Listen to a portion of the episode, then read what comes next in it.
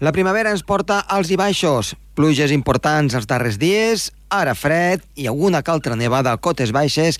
En definitiva, primavera no vol dir sol i calor, vol dir a vegades fred, a vegades calor.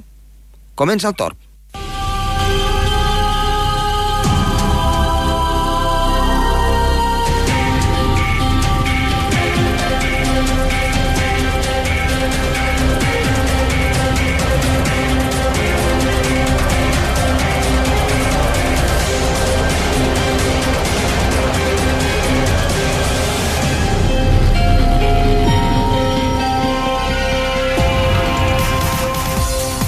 Molt bona tarda, moltes gràcies per estar una vegada més doncs, eh, aquí darrere del seu transistor, en el seu vehicle, o perquè no escoltar-nos des de qualsevol punt del món per internet.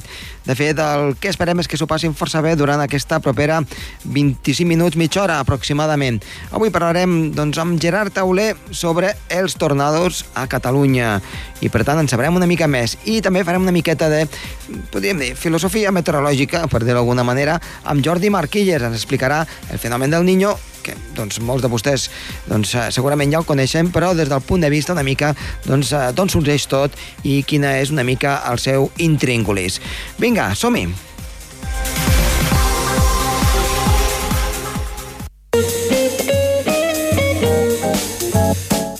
Iniciem el programa amb Gerard Tauler, que com sempre ens porta aquella notícia meteorològica, aquella anècdota o aquella efemèride del món, del clima i de la meteorologia. Gerard, molt bona tarda. Hola, molt bona tarda, Josep Tomàs. Avui què ens portes? Quina és la notícia? Els tornados a Catalunya. D'acord, per tant, fenomen meteorològic... Eh, Sever. De, sever, podríem dir, no? Eh, no parlarem dels Estats Units, però sí que dels que tenim aquí ben a prop del Principat d'Andorra, per tant, eh, dels tornados de Catalunya. Sí. Suposo que la gent potser li sobtarà una mica, però ara ens trauràs una mica del tot eh, l'entrellat. Endavant. Sí, doncs aquí a Catalunya la densitat és d'un tornado cada 10.000 quilòmetres quadrats cada any. Això són les dades que ha recollit en l'Oriol Rodríguez, MeteoDN, del Fòrum Meteoclimàtic, el Fòrum Patim la Meteo. Uh -huh. I això que... De- d'observatoris de meteoclimàtic i d'altres de, de, de totes les estacions que, que ell recull. Uh Mhm. I d'observadors, sobretot. Això vol dir que n'hi ha molts? No, no n'hi ha masses comparat amb els Estats Units, però déu nhi Sobretot a les zones on hi ha més densitat de tornados és allà on hi ha més densitat de població i especialment el, el corredor dels tornados, allà al, al delta del Llobregat. A veure, explica'ns això una mica del corredor dels tornados, perquè suposo que molts dels oients ara no sé si es posen les mans al cap, però sí que eh, mm, els hi sobta molt. Què, què és això del corredor dels tornados, del delta del Sí, és Llobregat? una zona on hi ha més densitat de tornados de Catalunya. És en, entre Castelldefels, més o menys, Sant Boi de Llobregat i Barcelona, per, per aquest triangle, Mhm. cap allà a l'aeroport del Prat. Doncs suposo que les condicions meteorològiques allà, sobretot a finals d'estiu, primers de tardor, agost, setembre, octubre, doncs són favorables perquè hi hagi més tornados que la resta de Catalunya. Uh -huh. I, el, I per què es formen els tornados a, en una zona com Catalunya i no doncs, en altres àrees? No, per què no al Pirineu, per exemple? Mm, No, no, hem, no s'ha estudiat molt bé, però vaja, jo diria perquè és més planer, no? Catalunya, les zones de, de tornados són més aviat típiques de- de- d'indrets planers. Per exemple, Oklahoma, allà, Texas, les grans planes de- Mhm. d'Estats de, Units, són àrees planes que, que, que és favorable no? el tornado suposo que en llocs amb, amb muntanyes el fregament de, de, del vent amb el terra doncs, amb, el, amb la orografia així variada i, i amb planes d'escassa de, de, extensió provoca que no hi hagi tant, condicions tan favorables perquè es formin els tornados. Uh -huh. Escolta'm, Gerard, um, dius que es formen, doncs, el, sobretot a la tardor. Uh, quines condicions meteorològiques són favorables Sí. per la formació d'aquests tornados? Les llevantades, les borrasques, les gotes fredes, aquestes situacions inestables, fins i tot les adveccions del nord i nord-est, Uh -huh. com en aquesta època l'aigua del mar està calenta i el contrast tèrmic entre l'aigua del mar i, i la temperatura que hi ha als nivells mitjans i alts de la troposfera doncs, generen una forta inestabilitat que crea uns mesociclons que són els, els, les situacions, les estructures mesosclars de les quals pengen els tornados.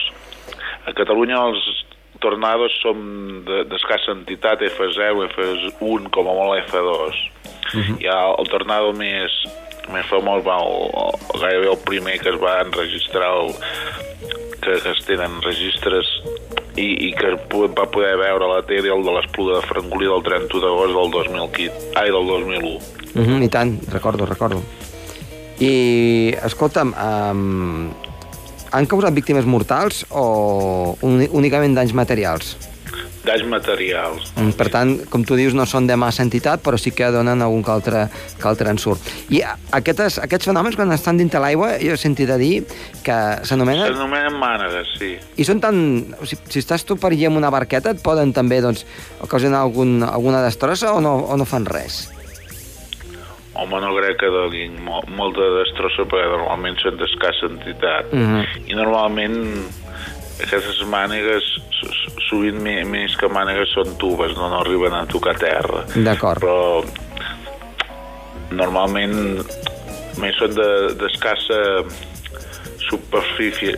Uh mhm. -huh. una superfície molt, molt petita i és, és difícil de que t'afecti la, la barca. Home, clar, si passen per damunt teu, potser sí que podria produir eh, algun assajament a la barca, però si no, no. Mm, I ara una curiositat només, eh? Um, algun d'aquests petits tornados o mànegues d'aigua Um, suposo que tenen un efecte xuclador, xuclador no? Um, uh, sí. Poden arribar a agafar peixos i, i deixar... Sí, i després sí, és el que uh, en el llibre d'en Picó, observant el temps, ho, ho diu, que a vegades hi ha pluges de peixos, suposo que deu, haver sigut per això, no? Un, un, un, una mànega ha absorbit peixos d'un tros de mar o d'un estany i, el, l'ha portat, transportat cap a un altre indret produint això, una pluja de peixos.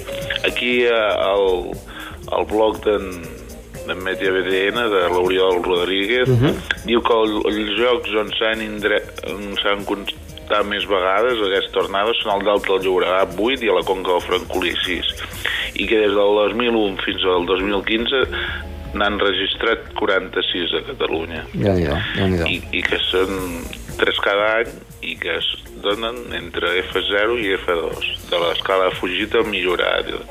Els vents són de fins a 250 km per hora. déu nhi Doncs Gerard, moltíssimes gràcies. T'esperem la setmana vinent. Adéu-siau. Que vagi bé. Adéu, adéu.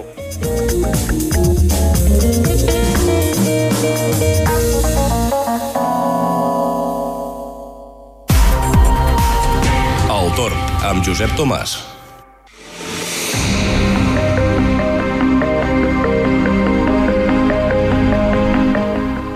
En l'entrevista d'avui tornem a tenir a Jordi Marquilles. Jordi, molt bona tarda. Bona tarda, Josep.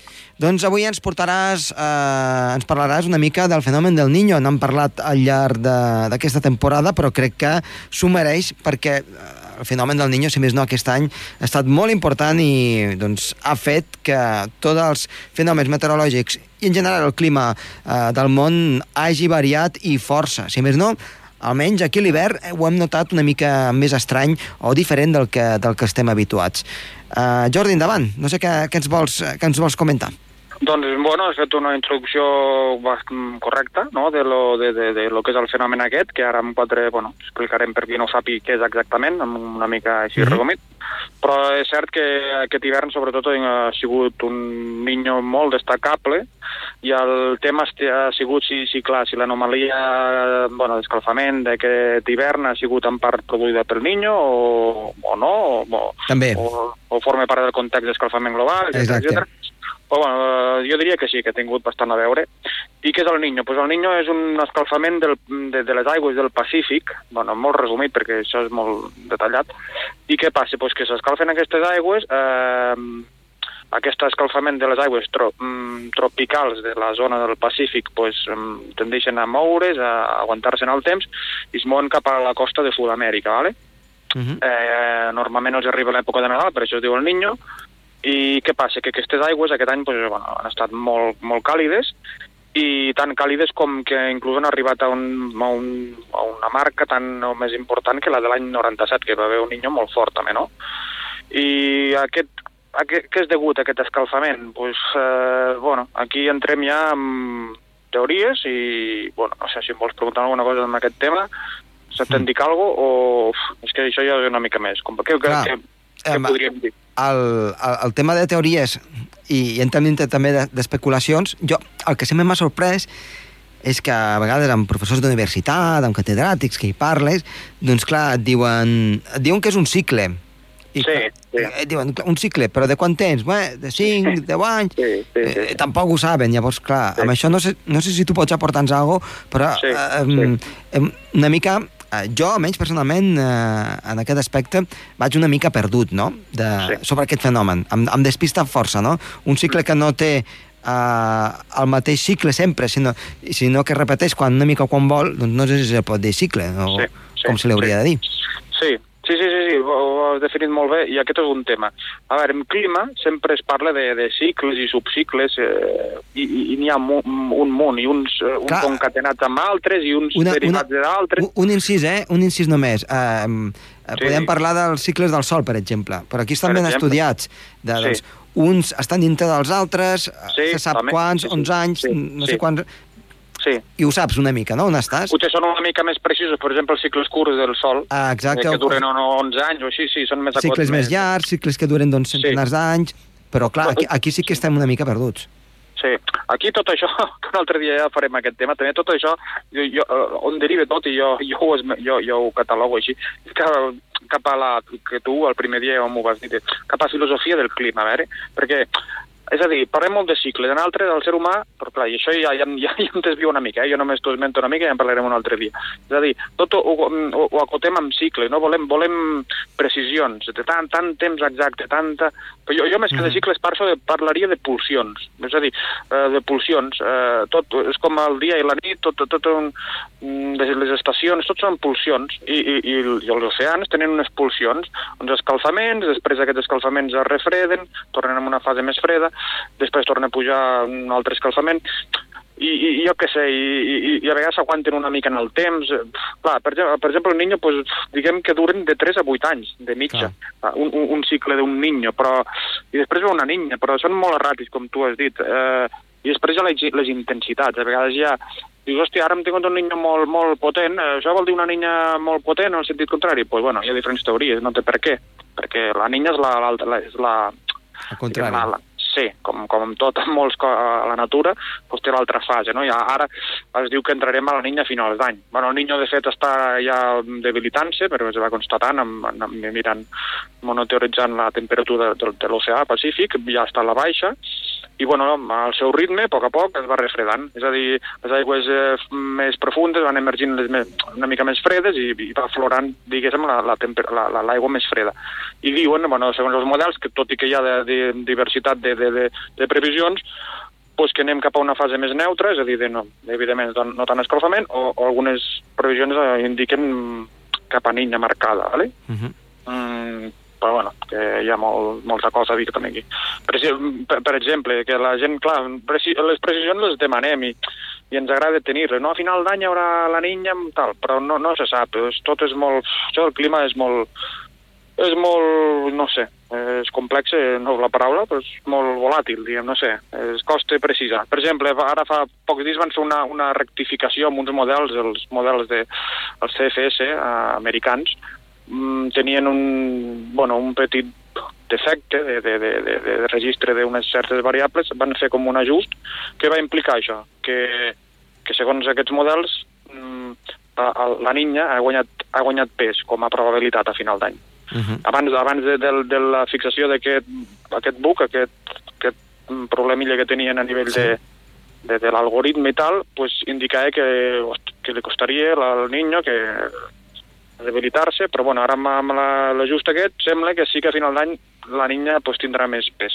Però bueno, ja veurem, parlem de final d'any. Eh? Clar, eh, um, tot és molt, molt, molt... S'aguanten pinces, no?, una mica. Sí, sí, sí. sí. S'aguanten pinces.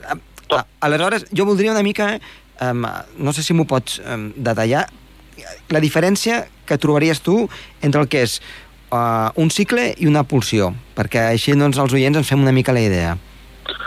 Bueno, un cicle, no, si tu, si tu nosaltres miréssim una, una gràfica amb tota l'evolució de, monitoritzada de l'escalfament del, del, de l'oceà Pacífic durant des de l'any 80 o des de quan hi ha registres veuràs que hi ha pujades i baixades mm. i que sí, que aparentment sembla que sí, quan, bueno, que, que hi ha fluctuacions per dalt i per baix de cap manera és eh, allò clavat, saps? Vull dir, no... Yeah.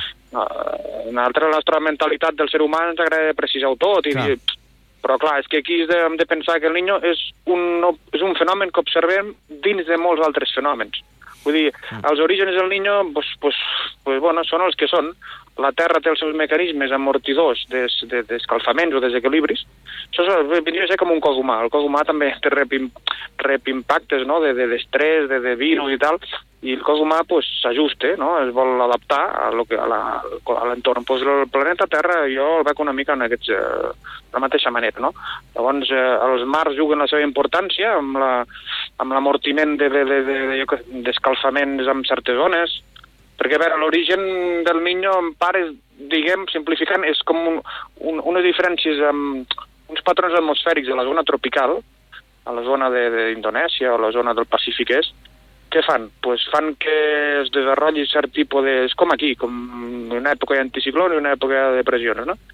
Pues què passa? Que en uns moments donats eh, pues l'aigua s'escalfa i provoca un desajust als, als, als vents de, de, de, de tot l'oceà, fa que l'aigua escalfada es, es pugi a superfície, que es mantingui càlida. Doncs és tot un mecanisme molt complex d'atmosfera-biosfera, no? I, i, i clar, té un, que té una recurrència més o menys cíclica, sí, però no és mai precisa. Per exemple, niños forts, més o menys amb les dades que es té, diuen que són cada, cada 50 anys, més o menys. -huh. Aquest ha sigut un niño molt fort. Uh -huh. Però, bueno, després també hi ha estudis recents que et diuen, com un que va fer la revista Nature, clar, que diu, no, no, és que a partir d'ara els niños seran molt més forts. Mm, bueno, bueno, no sé.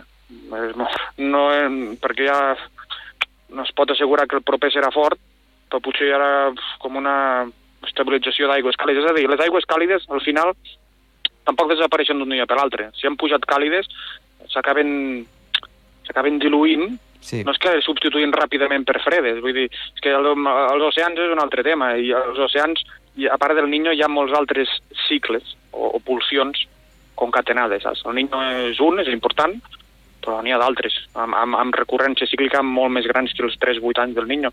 I clar, el Niño estarà dins de d'altres cicles. És, com pots veure, la, la complexitat és, és, és, és, és màxima. És màxima no? Nosaltres veiem, veiem efectes, Clar. els efectes, i en un moment donat, pues, pam, veiem lo evident. Sí. Però darrere lo evident hi ha altres, molts mecanismes. Clar. El, el que nosaltres volem és anticipar-nos per poder predir el, el, mm. els fenòmens, no? I això és sí. el que, de moment, doncs, estem una mica lluny. Eh... Pues sí. Ja. L'únic que llavors, perdona que t'ho allà, hi ha les sospites, no?, de, de perquè, que aquest hivern ha fet mm, Mm, una temperatura bastant alteta, bueno, a finals d'hivern no tant, però molt al principi sí. sí. sí. Eh, mm, que, és, que el niño ha tingut a veure? Jo diria que bastant. Ja. Però bueno, això és opinió meva, eh? Vull dir eh, que sí que hi ha un escalfament global, que el CO2, tot això, però el niño jo crec que guanya, ha jugat el seu protagonisme aquí, eh? Mhm. -huh. Jo crec que sí. Ah, I una altra cosa, digues, perdó, digues. una altra cosa ja, per, per, també s'ha monitoritzat el, el, el, el, el, fa poc el, la, el tema de les anomalies de, de vapor d'aigua, de, de pluja a la zona tropical, i, i han, han, han anat molt relacionat amb la potència del Niño d'aquest any.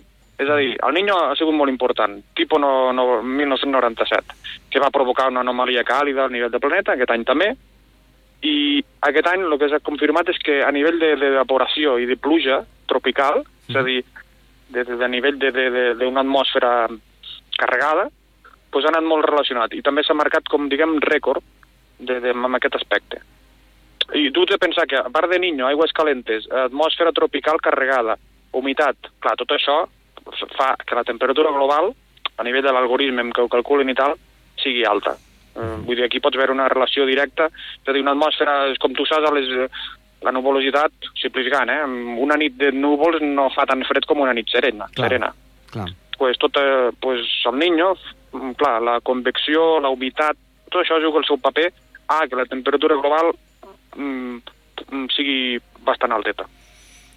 Jordi, eh, moltíssimes gràcies. Com sempre, doncs, eh, anem parlant, anem doncs, fent una mica, com tu bé dius, una mica de filosofia del clima de la meteo, que crec doncs, que així s'aprofundeix una mica més eh, en els coneixements aquests que són veritablement força complicats. T'esperem d'aquí 15 dies, Jordi. Molt bé, Josep. Moltes gràcies. Adéu-siau. Adéu, adéu, adéu. adéu. El torn amb Josep Tomàs. Doncs anem a veure quin temps ens espera doncs, per aquest cap de setmana. Uh, tenim una situació ara mateix en què els núvols comencen a avançar per la cara nord i és que es nota una mica aquesta situació de canvi. Estan baixant les temperatures, han pujat força al llarg d'avui, però comencen a davallar i és que ve una massa d'aire fred que ve des de l'Atlàntic i per tant afectarà tota la cara nord aquesta nit matinada també al llarg de divendres, temperatures doncs, que seran força més baixes, amb alguna nevada cap a la cara nord, cota baixant cap als 1.000 metres i algun càlter ruixat cap a l'extrem sud del país. Per tant, inestabilitat que serà força variable amb núvols, amb clarianes, en definitiva amb un temps doncs, una mica primaveral en aquest sentit i divendres força fred. Dissabte i diumenge Pugen les temperatures. Dissabte començaran a remuntar, al matí serà força fred, encara amb alguna nevada cap a l'extrem nord, amb tendència a desaparèixer i a obrir-se moltes clarianes, vents de component nord que giraran a component sud al llarg del dia. I, per tant, doncs, un bon moment per poder anar a la muntanya. A la tarda, algunes nuvolades que podrien créixer una mica més. I diumenge, un matí assolellat, en principi, i després, a partir del migdia, els núvols serien més compactes, podria haver-hi algun calte ruixat, alguns ruixats, però, que tindrien una cota de neu elevada sempre per damunt dels 2.200 a 2.300 metres i amb vents de component sud. La setmana vinent, de moment, sembla que serà variable i sembla que pot arribar força fred, tot i que encara està força lluny i, per tant, no ho podem garantir al 100% ni molt menys. En definitiva, un cap de setmana marcat de nou per aquesta variabilitat, però amb temperatures que anirien remuntant.